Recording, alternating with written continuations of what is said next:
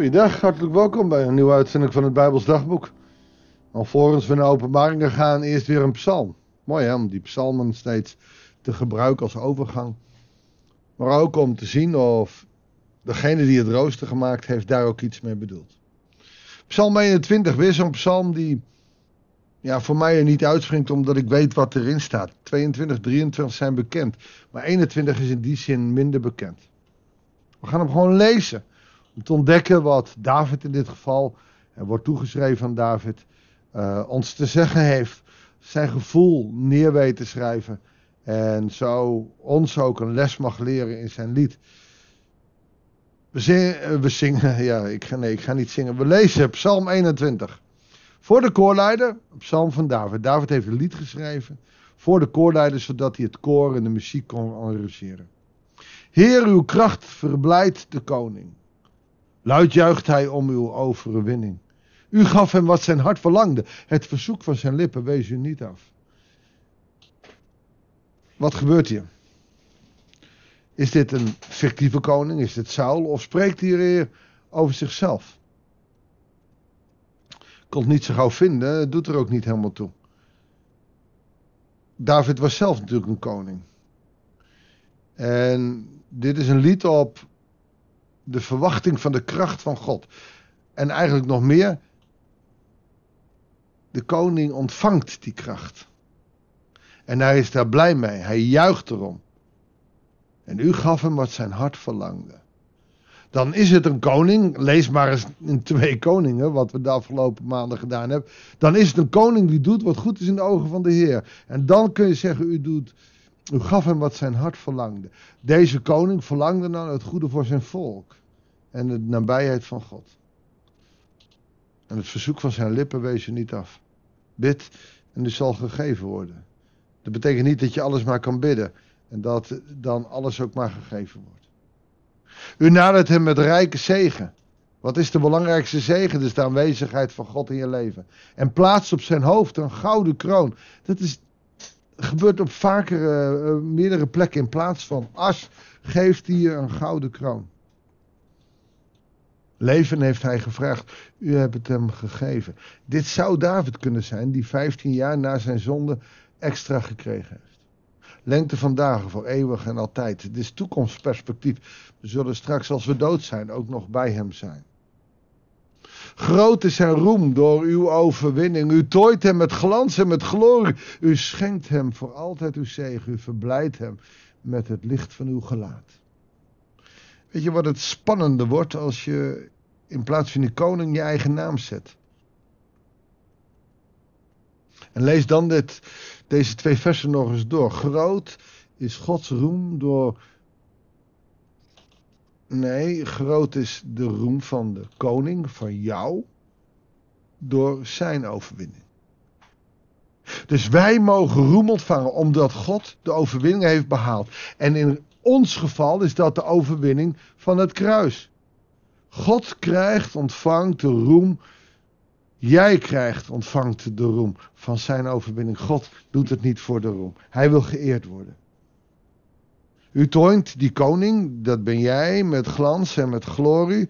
U schenkt hem voor altijd uw zegen. Jij krijgt de zegen van God als jij dankbaar bent dat, dat hij met je is. En zo worden we verblijd met het licht van uw gelaat. Wat is dat, het licht van uw gelaat? God laat zijn liefde, zijn glans over jou schijnen. Dat is van immens groot belang.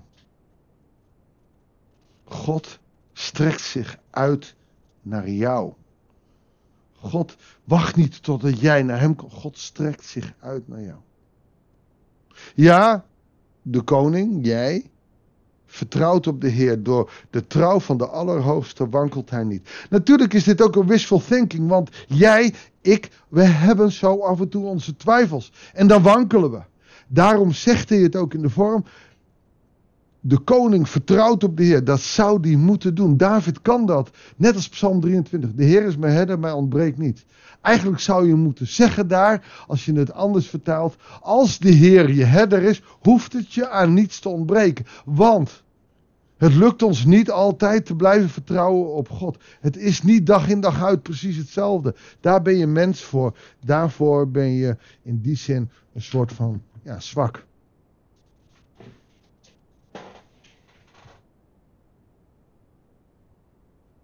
Maar David staat ook bekend om zijn liederen. Waar hij al uitgaat van de winst. En dat mag jij ook doen. Gelaten 5 en 6. Zorg, uh, nee, gelaten 5 vers 1. Zorg dat je in de overwinning van Christus blijft staan. De Heer zal hem, de vijand, in zijn woede verslinden. Vuur zal hem verteren.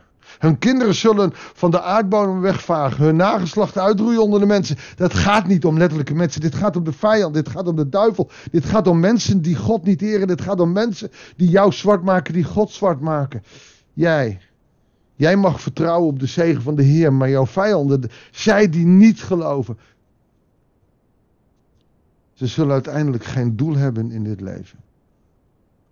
Als spannen zij tegen u samen, al zinnen zij op kwaad, ze bereiken niets, want u zult hen op de vlucht jagen. Dit zegt iets over God. God is sterker.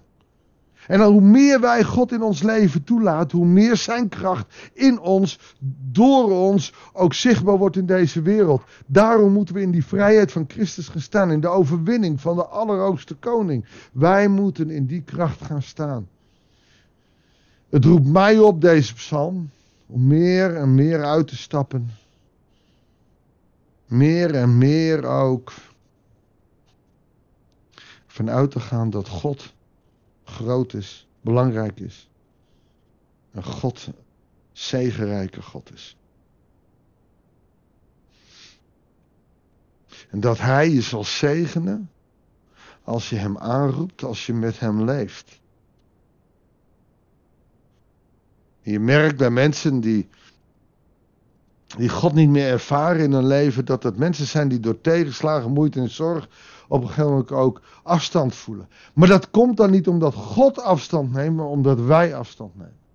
Dat doen we soms niet eens bewust. Dat gebeurt door de ellende in je leven. Het gebeurt. Kun je niks aan doen. Dat, dat, dat is inherent aan wat mensen meemaken. En het is ook geen drama, geen ramp, geen. Maar het is wel lastig. Want we zouden willen dat het anders was. Maar hoe meer je God blijft zoeken, hem uitnodigt in je leven, hoe meer je ook gebruik kunt maken van de zegeningen die hij je wil geven. Waarom? Omdat je ze nou eenmaal dan ook beter zult zien. Vers 14 eindigt ermee. Verhef u, Heer, in uw kracht. Wij zullen uw macht in liederen bezingen. David roept ons op om in die kracht en die majesteit van hem te gaan staan. Zodat je als kind van de Allerhoogste echt mag zijn tot wie en voor wie jij geroepen bent. Erfgenaam van God. Laten we samen bidden. Trouwe God, dierbare Vader.